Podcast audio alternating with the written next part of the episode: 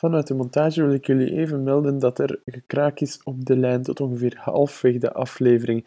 Ik heb het er nog niet uit kunnen krijgen. Ik hoop dat jullie toch nog kunnen genieten van deze aflevering. Excuses hiervoor en veel luisterplezier. Jonkvrouw dan met de stalknecht of dergelijke ergens zou belanden op de plaats waar het ja. niet hoort.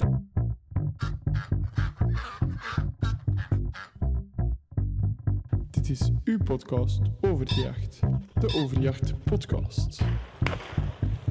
Dag beste luisteraars en welkom bij de volgende aflevering van de Overjacht Podcast. Ik ben zoals steeds Diederik, de gastheer van de podcast. En vandaag hebben we weer een nieuwe gast bij ons aan tafel. Wie dat is, ontdek je zo meteen. Wens je meer te weten te komen over onze podcast? Volg ons op de sociale media zoals Facebook en Instagram en deel ons met vrienden en familie. Zoals steeds gaan we starten met enkele korte vragen voor de gast. Goedenavond. Goedenavond.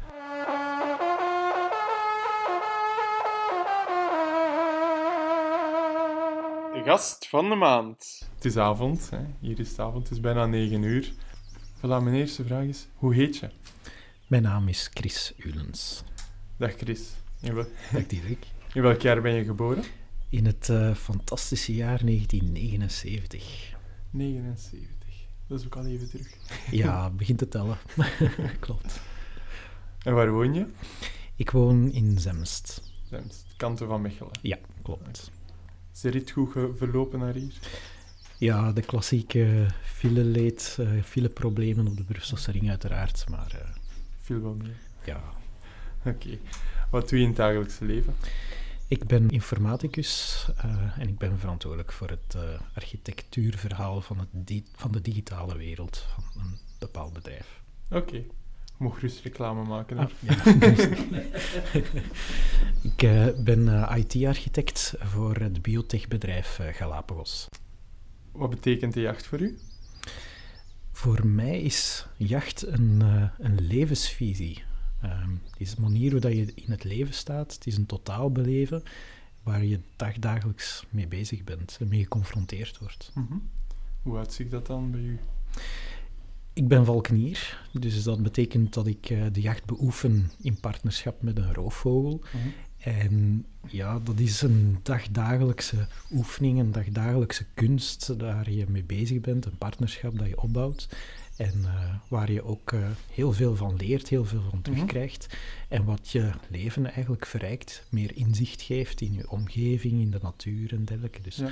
een, heel boeiend, een heel boeiend gegeven, vind ik zelf. Werken met de natuur in de natuur. Absoluut. Ja. Ondertussen is het onderwerp voor vanavond, of voor deze aflevering, ook bekendgemaakt. Hè? De valkeniers. maar daarover gaan we straks meer te weten te komen. Wat is uw favoriet type van jacht dan, als valkenier? Ja, in de valkerij hebben we verschillende disciplines. Eh, we hebben de discipline van de hoge vlucht en van de lage vlucht. De hoge vlucht is met valken, waar dat dan een valk op hoge hoogte gaat aanwachten en een duikvlucht eh, dan inzet op meestal vederwild. De lage vlucht is dan met havikachtige, dus de buizerd, havik of arend. En dat is meestal ofwel van op de vuist dat de jacht dan wordt ingezet door de vogel, ofwel bijvoorbeeld van boom tot boom dat die u volgt. Mijn favoriete jacht is eh, te paard met de valk. Er zijn nog maar een handvol mensen in Europa die die klassieke jachtvorm te paard kunnen eh, beoefenen.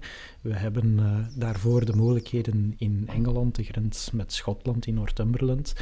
Ehm, en ja, ik voel me echt vereerd om dat nog te kunnen, eh, te kunnen beleven, omdat het, ja, zeker als we naar ons Belgisch landschap kijken, er zijn heel weinig plaatsen nog waar dat je die uitgestrektheid hebt om te paard echt de jacht ook te kunnen beoefenen. Hè. Ja, want de jacht te paard met geweer is dat hier sowieso al niet echt... Nee, eh, dat klopt. Dat is hè. Minder complementair ook.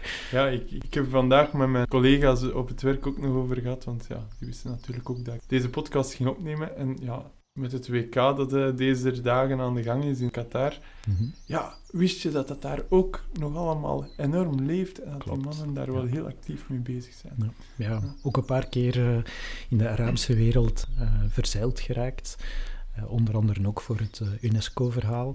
En eh, daar leeft eh, de valkerij uiteraard ook nog eh, heel sterk. En ook daar heb ik het een paar keer samen mogen beleven met de plaatselijke mensen, om samen met de valk de woestijn in te trekken en ook die jachtvorm te beleven. Dat is ook iets uniek aan, aan het valkerijverhaal. Het wordt wereldwijd door heel velen beoefend, maar je hebt per regio ook ieder zijn eigenheid. En ik vind het ook onboeiend. Ik heb, ik heb al ettelijke reizen achter de rug, wereldwijd, om ook uh, valkeniers op te zoeken, om hun uh, beleving, om hun manier van het uh, beoefenen van de sport te leren kennen. En ja, dat is ook enorm leerrijk. Ja. Oké, okay, Chris, je bent valkenier, maar daarnaast, de valkerij is hier actief in, in eigen land ook. Wat is jouw functie daarbinnen? Ja, klopt. In België hebben we een aantal uh, valkeniersverenigingen. En deze verenigingen worden overkoepeld door een valkeniersplatform, het federatieplatform valkeniers.be. En in dat platform, in die hoedanigheid, vervul ik de rol als voorzitter. Bij deze hebben we de voorzitter aan tafel. klopt. Oké, top. Uh, we gaan direct verder gaan uh, naar de onderwerpen, want ik heb het gevoel dat we hier heel veel te weten gaan komen in deze aflevering. Ja, ik heb, ik heb jullie eigenlijk contact via collega, hè, Luc, op de beurs in Boom, vorig jaar al. Ja, hebben we gesproken met elkaar. ook uh, ja. aanwezig. Ja. Ja, een van de volgende afleveringen zal ook met Luc zijn dan over effectief de praktijk. Hè. Dat is ook wel interessant. Hoe is die beurs toen voor jullie geweest? Is er veel animo rond? Ja, het, het, valt heel sterk op dat valkerij heel veel aandacht trekt, krijgt op mhm. beursevenementen en dergelijke. Omdat dat voor mensen vaak een onbekende is. Een onbekend is onbemind, dus voor ons is het ook belangrijk om de mensen informatie mee te geven over het verhaal. Wat is nu valkerij? Uh, ja. Vele mensen komen in contact met valkerijconcepten door bijvoorbeeld in een pretpark of dergelijke uh, iemand uh, bezig te zien, actief te zien met roofvogels. Maar dat is geen valkerij. Valkerij is het jagen met een getrainde roofvogel in partnerschap op natuurlijke prooien in hun natuurlijk habitat. Dus iemand die voorstellingen geeft uh, en valkerijtechnieken gebruikt om zo roofvogels voor te stellen, uh, gebruikt dezelfde technieken, maar is dus geen valkerij omdat er geen jachtaspect aan verbonden is. Okay. Het is eigenlijk hetzelfde vergelijk met kleiduifschieten en het geweerjagen. Ja. Een kleiduifschutter en geweerjager, zij gebruiken dezelfde materiaal, dezelfde technieken, maar een kleiduifschutter gaat niet over tot de effectieve jachtdaad. En ja. bij valkerij kun je hetzelfde eigenlijk doortrekken. Dus een valkenier zal effectief het veld ingaan om te gaan jagen, waar dat iemand die voorstellingen, educatieve voorstellingen of dergelijke, verzorgt, ja, die gaat geen jacht stellen. Ja, oké. Okay. Daarmee is het topic valkerij ook duidelijk gemaakt, hè, wat het juist inhoudt. Klopt. Nu, wat, wat is de geschiedenis dan van de valkerij? Want dat komt wel van ergens. Ik weet, je hebt mij juist ook gezegd van ja, je geeft daar ergens ook les over en je, je vult daar vier uur over. Ja. Uh, die tijd hebben we jammer genoeg niet. Maar je kunt misschien wel eens bondig samenvatten en ook wat de geschiedenis eigenlijk is of van waar het allemaal Ja, ik heb een uh, UNESCO-dossier opgesteld, wat door UNESCO ook werd goedgekeurd. Dus ik kan inderdaad uren nog vertellen over de geschiedenis. Misschien een onderwerp voor een volgende podcast. Ja. Nee, uh, de meeste mensen, als we de vraag stellen van hoe oud denken jullie dat valkerij is, dan krijgen we vaak het antwoord ja, van in de middeleeuwen. Ja, dus ja, dan een schatting denken, van 500, 600 jaar uh, wordt dan vaak meegegeven.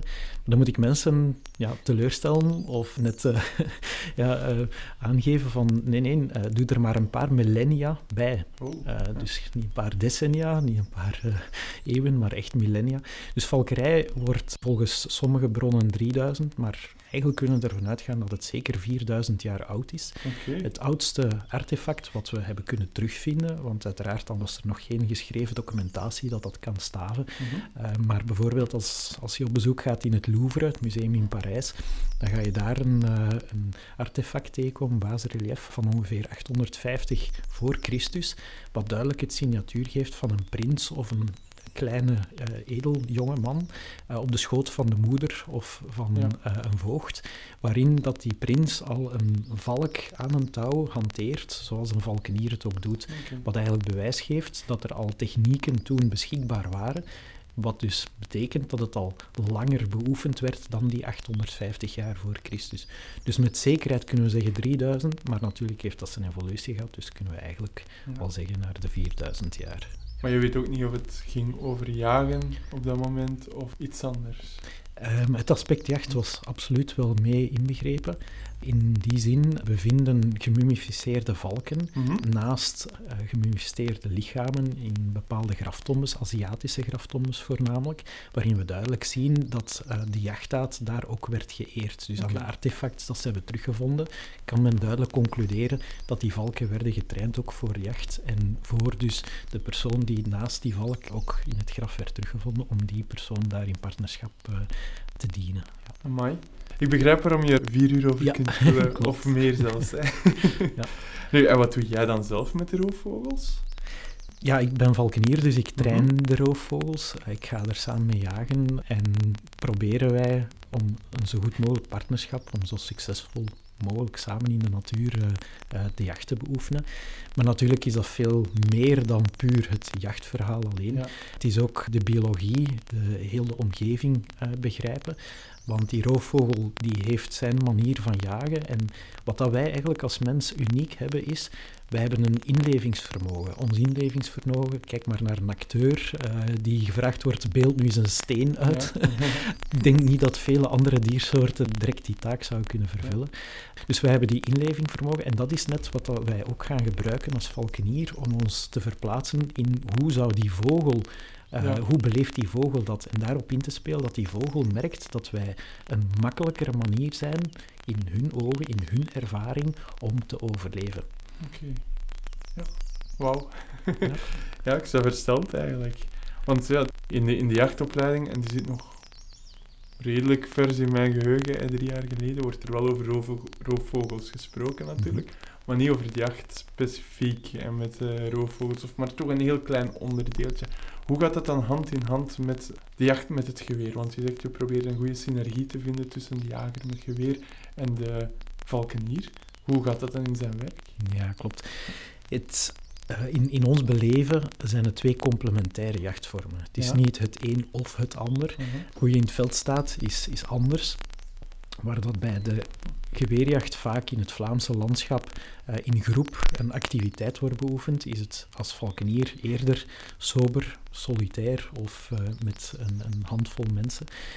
Wat wij als valkenier als voordeel hebben, omdat wij niet met een vuurwapen werken, hebben wij de mogelijkheid om op andere stukken waar bijvoorbeeld het geweerjachtverhaal niet uh, van toepassing is. Kijk bijvoorbeeld naar industriezones, kijk bijvoorbeeld naar dichter bebouwde omgevingen.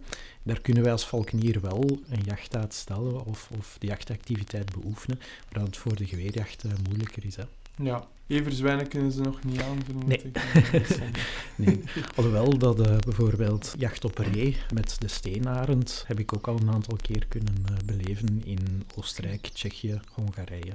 Oké, want je spreekt nu inderdaad over een arend. Je hebt hier juist ook aangehaald. Je hebt die hoge vluchten, je hebt de lage vluchten. Klopt. En dat zijn, de hoge vluchten zijn dan de valken. Mhm. En de lage vluchten zijn dan andere Ja, dus de, roofvogels. de buizerd, de havik en de arend, dus die groep van vogels, dat zijn de vogels van de lage vlucht. Klopt. Dus valkenier omvat meer dan enkel met een valk gaan jagen. Of hebben die, noemt het ander dan arendenier? Of, ja, klopt. Dat is, een goeie, dat is een goede vraag, want in ons Nederlands taalgebruik, dagdagelijks spreekt men over een valkenier en klasseert men alle roofvogels Mhm. daaronder.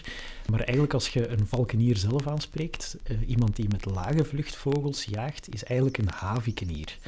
De mensen die het actief beleven, die gaan eerder spreken, ik ben een havikenier. Maar in de volksmond zegt men eh, Nou, een valkenier. eh, valkenier. Nu, een leuk sprongetje. In de Franse taal heeft men wel dat onderscheid. Dus un aiglier is iemand die met de eikel, dus met de arend gaat jagen. Dus in de Franse taal heb je dat wel duidelijk, dat onderscheid. Ja. Maar in, in het Vlaams spreken wij puur over een valkenier of een havikenier. En nu dat we toch over woorden bezig zijn. Mhm. Je had me voor de podcast ook gezegd, er zijn toch enkele woorden Ja. dat ik toch wel de geschiedenis eens van wil vertellen. Of, of van waar het komt. Ja, klopt. Eh, valkerij is een activiteit die heel belangrijk was in de middeleeuwen. Vandaar dat de meeste mensen ook die reflex maken van het, is, eh, het stamt uit de middeleeuwen. En in ons dagdagelijks woordenschat, in onze woordkeuze, zien we nog een aantal van die valkeniertermen terugkomen. En een van die voorbeelden is eh, gentleman. Het woord gentleman stamt uit het oud-Normandisch Frans En kunt je de vraag stellen, hoe is dat daar eigenlijk ingekomen? In 1066 had je de Battle of Hastings, waar Willem de Veroveraar, dus een Normandische heerser, mm Harold of Essex, in de pan hakte. En dat heeft een heel grote verschuiving uh, veroorzaakt. En veel van de taal, van het taalgebruik van toen, van het Oud-Frans-Normandisch, is zo in het Engels terechtgekomen en ook dan uiteindelijk in het Vlaams. En een van die woorden is gentleman. Wat is nu gentleman? Gentleman vroeger in Normandisch beleven, uh, Faucon Gentil was een uh, vrouwelijke slechtvalk. En het was een hele eer om de vrouwelijke slechtvalk te kunnen hanteren. Dus le Faucon Gentil werd gehanteerd door de gen gentilhomme in het Frans. En dan in het Engels is dat verbasterd naar gentleman. Dus de gentleman is iemand die de capaciteit, die de kunde heeft, die de kalmte heeft, uh, die de kennis heeft om dus die sierlijke slechtvalk, die vrouwelijke slechtvalk, te kunnen en te mogen hanteren. Ja. En nog een ander leuk woord dat de meeste mensen dagelijks ook gebruiken, uh, dat is het woord hobby. Mm Wat is hobby? Hobby is eigenlijk een, een type valk, met name een boomvalk. In het Engels zegt men nog altijd, een hobby, uh, tegen de boomvalk. En hoe komt die naam dan nu in ons taalgebruik terecht? Vroeger, in de middeleeuwen, die jonkvrouw die had meestal veel vrije tijd. En het verhaal doet dus dat de, de heer des huizes probeerde te vermijden dat de jonkvrouw dan met de stalknecht of dergelijke ergens zou belanden op de plaats waar het niet hoort, inderdaad. Dus kreeg de jonkvrouw vaak een hobby cadeau, dus een boomvalk cadeau. En waarom net een boomvalk? Een boomvalk heeft iets unieks. Zijnde, dat is een valk die in staat is om libellen te vangen in de vlucht en tegelijkertijd in de vlucht ook op te peuzelen. Dus onder de valkerij wordt vaak de uitdrukking gegeven: uh, als je een boomvalk vliegt, is niet de vraag of je de vogel kwijtraakt, maar wanneer je de vogel hm. kwijtraakt. Omdat die vogel op een gegeven moment zo goed uh, zichzelf zal voeden van insecten, dat, uh, dat je erachter... Ja, niet meer nodig, maar dat die rustig in een boom gaat zitten en dat je gaat moeten wachten tot als die rustig op het gemakje terug naar beneden wil komen. Okay. Dus vandaar, die jonkvrouw die veel vrije tijd had, die kreeg dan een boomvalk en had dus een hobby. Voilà. Ja. Wauw, we zijn weer een paar woorden wijzer ook. Of de herkomst ook van die woorden. We hebben een klein sprongetje gemaakt. Hè. We waren bezig over de samenwerking tussen jager met geweer en valkenier. Mm Ja, hebben ze soms ook de ervaring dat, dat, dat jagers zeggen van ja, de roofvogels pikken het wild weg voor onze neus? Of is dat niets wat, wat ja. aanwezig is? Of is dat een totale misvatting? Ja, dat, dat horen soms circuleren, dat verhaal.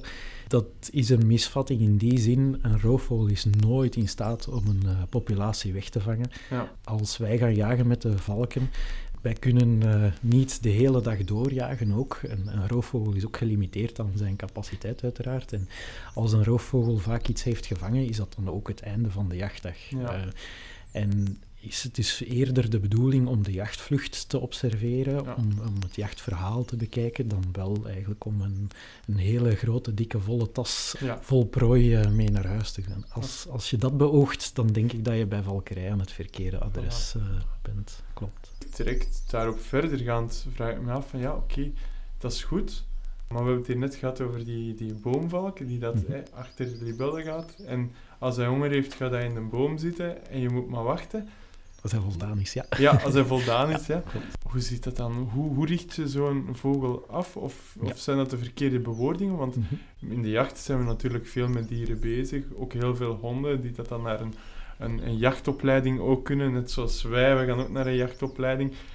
Maar met roofvogels, hoe, hoe, hoe, zit dat in zijn, hoe gaat dat in zijn gang? Dat is een hele interessante vraag, want bij vele mensen is dat inderdaad een vraagteken van hoe komt het dat die roofvogel met ons wil samenwerken? Ja. Nu, je hebt me daar straks horen vertellen over het woord partnerschap. Ja. Dus zo omschrijven wij dat ook. Wij zijn niet zoals bij honden bijvoorbeeld, of bij paarden, zijn wij niet de baas of de meester van de roedel. Een roofvogel is een solitair dier. Mhm. Dus een roofvogel leeft alleen in de natuur, kent niet het groepsgevoel, de groepstructuur. Wat is een groepsgevoel of groepstructuur? Dat is wanneer dat een dier veiligheid zoekt in een groep. Wat gebeurt er als die, dat dier, of wij mensen ook, hè, we zijn ook een groepsdier om het zo te zeggen, als wij niet naar de groep acteren of iets niet goed doen, dan worden wij gestraft. En de zwaarste straf dat je kunt krijgen is eigenlijk zelfs uitsluiting van de groep. Dus dat is iets waar dat je mee kunt werken als je met honden of paarden of Mhm. andere werkt. Dan kun jij belonen en straffen waar, om zo het gedrag te corrigeren. Roofvogel kent dat dus niet, dus wij kunnen onze roofvogels ook niet straffen, want straffen is een negatieve ervaring. En als die roofvogel een negatieve ervaring heeft, ja, dan gaat hij liever het alleen gaan opzoeken en zal zijn ding verder alleen zetten. Dus als valkenier is het superbelangrijk om altijd met constructieve houding het plezier aan de roofvogel te geven, dat de roofvogel met plezier met u wilt samenwerken in een partnerschap. Dus de roofvogel gaat op een gegeven moment ontdekken tijdens de training dat als die met u gaat samenwerken, dat het voor de vogel zelf veel makkelijker is om te overleven, om zijn kostje te zoeken, om het zo te zeggen, dan dat hij het alleen in de natuur zou doen. Je moet rekening houden, roofvogels hebben het bikkelhard in de natuur. 40 tot 60 procent overleeft het nest niet en eigenlijk 60 tot 80 procent overleeft zelfs het eerste jaar niet. Dus zij instinctief weten zij dat iedere kleine kans die zij krijgen, grijpen zij letterlijk en figuurlijk met beide klauwen vast. Ja. En als de valkenier daar passeert en op die manier de vogel een makkelijke manier van overleven kan, kan meegeven, dat dan nog eens plezierig is en de vogel enorm helpt, ja, dan is het een win-win voor iedereen. Hè. Ja, dat snap ik. Maar om tot daartoe te komen, denk ik wel dat het niet zo eenvoudig is. Want als je inderdaad Klopt. spreekt van de, de roofvogel, de kans is klein dat ze in het wild overleven, hebben ze misschien een bepaald wantrouwen tegenover andere dieren, mensen, als we ons dan zelf ook als dieren beschouwen. Klopt. Hoe raak je daardoor? Hoe win je dat Mhm. vertrouwen van die roofvogel? Dus als valkenier is het echt de bedoeling dat je het vertrouwen wint. Hè. Dus de vogel moet vertrouwen dat jij geen vijand bent, geen concurrent bent die, die alles gaat wegkapen. En dat is de band die je net tijdens de training gaat, eh, gaat opbouwen. Hè. Ja, Dat die roofvogel u, voor, bij manier van spreken, voor 100% vertrouwt dat alles wat dat je doet ook in zijn voordeel zal uitdraaien. Hè. En het is die unieke band, die relatie, ja, dat, is, dat is een geweldige ervaring om dat te kunnen beleven. Ja. ja. Dus je staat echt wel op een gelijk niveau ergens. Dus je moet, je, je moet het vertrouwen gaan verdienen van, van die vogel, als ik het goed begrijp. Ja. En het is niet zo dat je, zoals bij andere dieren, dat je ze tam gaat maken. Nee, we hebben daar ook een ander woord voor. Hè. Dus zeg nooit Ja. tegen een valkenier, uw vogel is tam. Voilà, voilà, dat is een woord dat we ja. echt niet graag hebben. Ja. Wij zeggen zeeg, of wij noemen dat zeeg maken. Wat betekent zeeg maken? Dat is dat de valkenier eh, de vogel laat vertrouwen in de omgeving waar de valkenier vertoeft. Hè, dus de huiselijke omgeving, maar ook het jachtveld en zo, in, in samenwerking dan met de valkenier. Dan leert de vogel van dat dat geen bedreiging voor, voor hem is of voor haar is. En dan spreken we over het zeeg maken. Er is ook zo'n uitdrukking die, eh, die we vaak hanteren, dat is de koning of de keizer buigt voor niemand behalve voor zijn valk. Dus als de valk een prooi Ja. op de grond heeft gevangen, dan zal de koning of de keizer of de notabele in de middeleeuwse context, zal die buiging maken om de vogel dan terug op de hand te plaatsen. En vandaar, dat geeft ook het, het ding af, zelfs voor de koning of de keizer staat die valk niet onder, maar naast die, eh, Ja. die persoon. Ja. Ja. En zijn die levens dan heel verschillend tussen de, de roofvogels die zeeggemaakt zijn, moet ik dan zeggen, en de roofvogels in het wild? Ja, dat is ook een goede vraag, want ook valkerij is een van de weinige interacties tussen mens en dier, waar het dier, zelfs in de millennia dat het al beoefend wordt, valkerij, het dier is nooit veranderd of gedomesticeerd. Ja. Dus de mens heeft altijd getracht, of de valkeniers hebben altijd getracht, om het karakter van de roofvogel te behouden zoals die origineel door de natuur is geboetseerd, om het zo te zeggen. En dat is ook het fascinerende, hè, omdat dat, het blijft altijd een diersoort dat van nature uit zijn vorm en zijn, zijn manier van doen heeft. En dat is super interessant om daarmee te werken, omdat die vogels nog altijd hun eigenheid hebben. Hè. Ja. Ze zijn niet door de mens, om het zo raar uit te drukken, gemanipuleerd. Ja. En zijn ze dan ook eh, gebonden aan hun territorium? Ja, dus een roofvogel instinctief heeft altijd de eh, eigenschap om een territorium te claimen Mhm. of te veroveren. Maar omdat wij als mens niet als soortgenoot worden aanzien en door die ervaring tijdens het trainen, tijdens het zeegmaken, dat hij ervaart dat wij geen concurrent zijn, zal de roofvogel ons ook wel accepteren in zijn of haar territorium. Ja.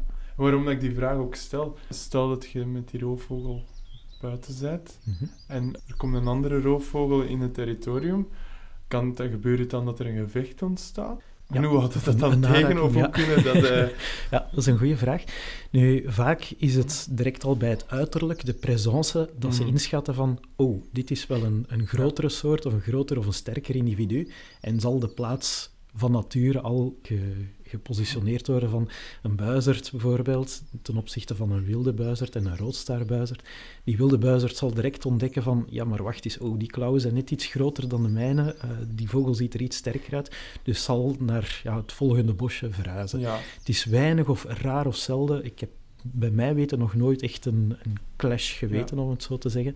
Maar het is wel zo, als je als valkenier weet van oké, daar is een, een broedplaats. Mhm. Normaal gezien gaan we ook niet jagen tijdens het broedseizoen, want dan is het jachtseizoen uiteraard niet open. Maar als er locaties zijn waar dat je weet van daar vertoeft een wilde soort, dan gaan we daar ook niet actief daar Ja. naar op zoek. Ja. Ja, want zoals onlang, allee, onlangs deze zomer, dat je dan buizerd ziet vliegen. Hier Mhm. zitten er wel redelijk wat ook. En dat de kraaien erachter Ja, zitten ook. dat is ook eh, typisch verhalen. dat ja. zie je regelmatig, of dat is me nu toch regelmatig opgevallen. Is het dan de nesten en zo, draait het daarover en de jongen? Of waarom gebeurt dat dan, dat die kraaien Ja, de, de kraai ziet in die buizerd natuurlijk een irritante indringer, eh, die mogelijk hun eh, kostje gaat ja, wegkapen. Dus die kraaien proberen, omdat een kraai wel een groepsgevoel heeft, Ja. gaat dan in groep proberen die buizerd te verjagen. Hè.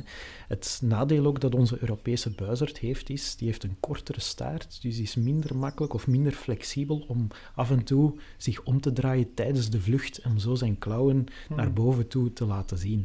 Wat maakt dat kraaien daar gebruik van maken door boven de... Want je zult altijd de kraaien boven de buizerd zien hangen, nooit onder.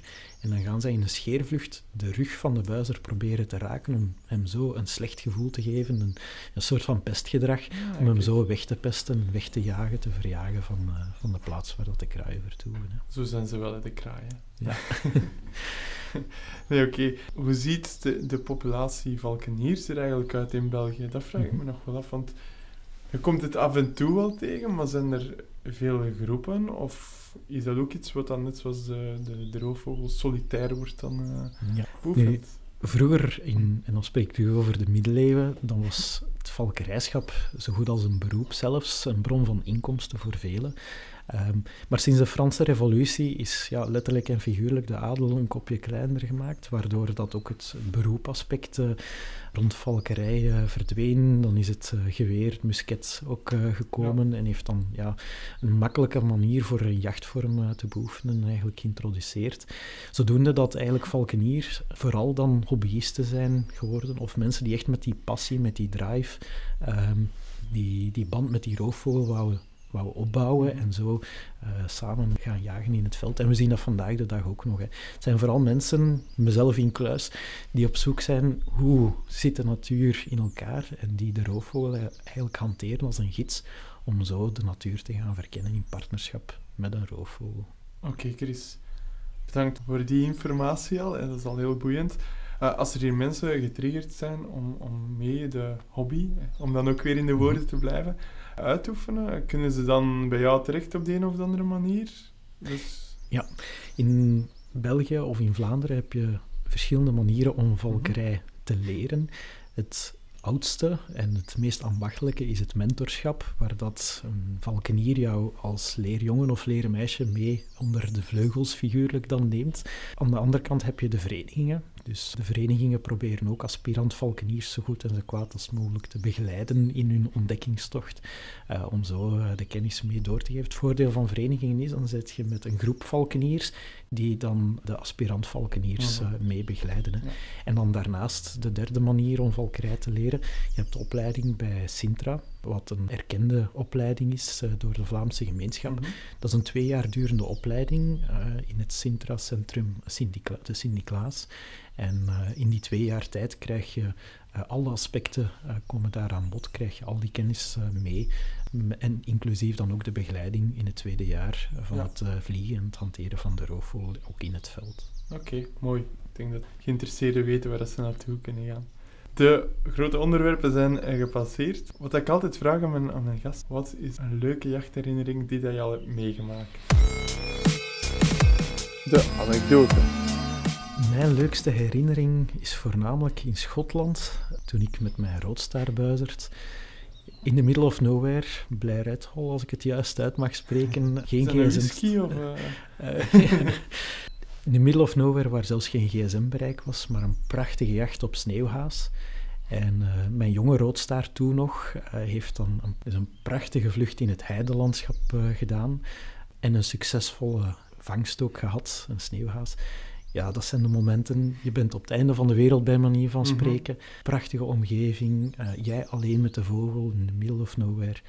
Ja, dat zijn de momenten. Ik krijg er nu terug kippenvel Ja, als, ik, er, eh, als ik eraan denk. Ja. Geweldig. Ja, want je bent één met de natuur. Ja, je, je hebt interactie. Hè? Ik ben van oordeel dat wij als mens nog altijd onderdeel ook vormen van de natuur, dat we ons niet uit die vergelijking van de natuur moeten wegcijferen. Mhm. We zijn daar onderdeel van, maar we zijn veel van die dingen verleerd hè, door, door onze huidige moderne maatschappij. We hebben vaak een disconnect en het is net door de valkerij dat we proberen, of als valkenier proberen, die connect terug te, te krijgen. Hè. Oké, we naderen het einde van de podcast, maar voor het einde verlekkeren we de mensen altijd nog even met een stuk wildraad. Ja. Heb jij een favoriet?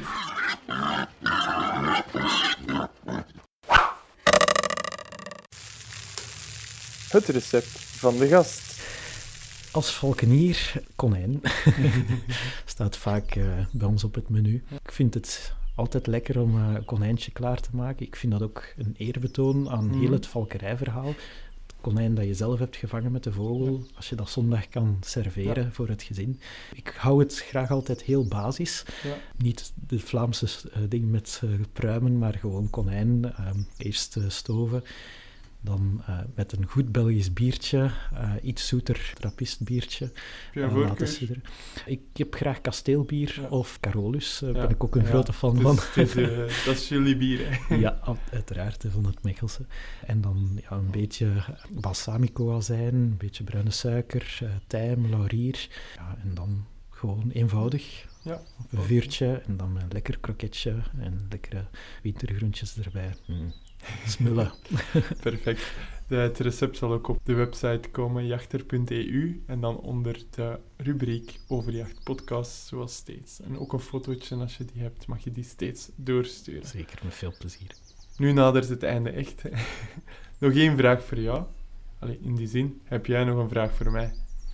Wat heb jij geleerd van de valkerij? Wat heb ik geleerd van de valkerij is, na deze gesprek, want een half uur eh, ver, Mhm. is dat de valkerij toch wel net iets langer bestaat dan enkel uit de middeleeuwen. Mhm.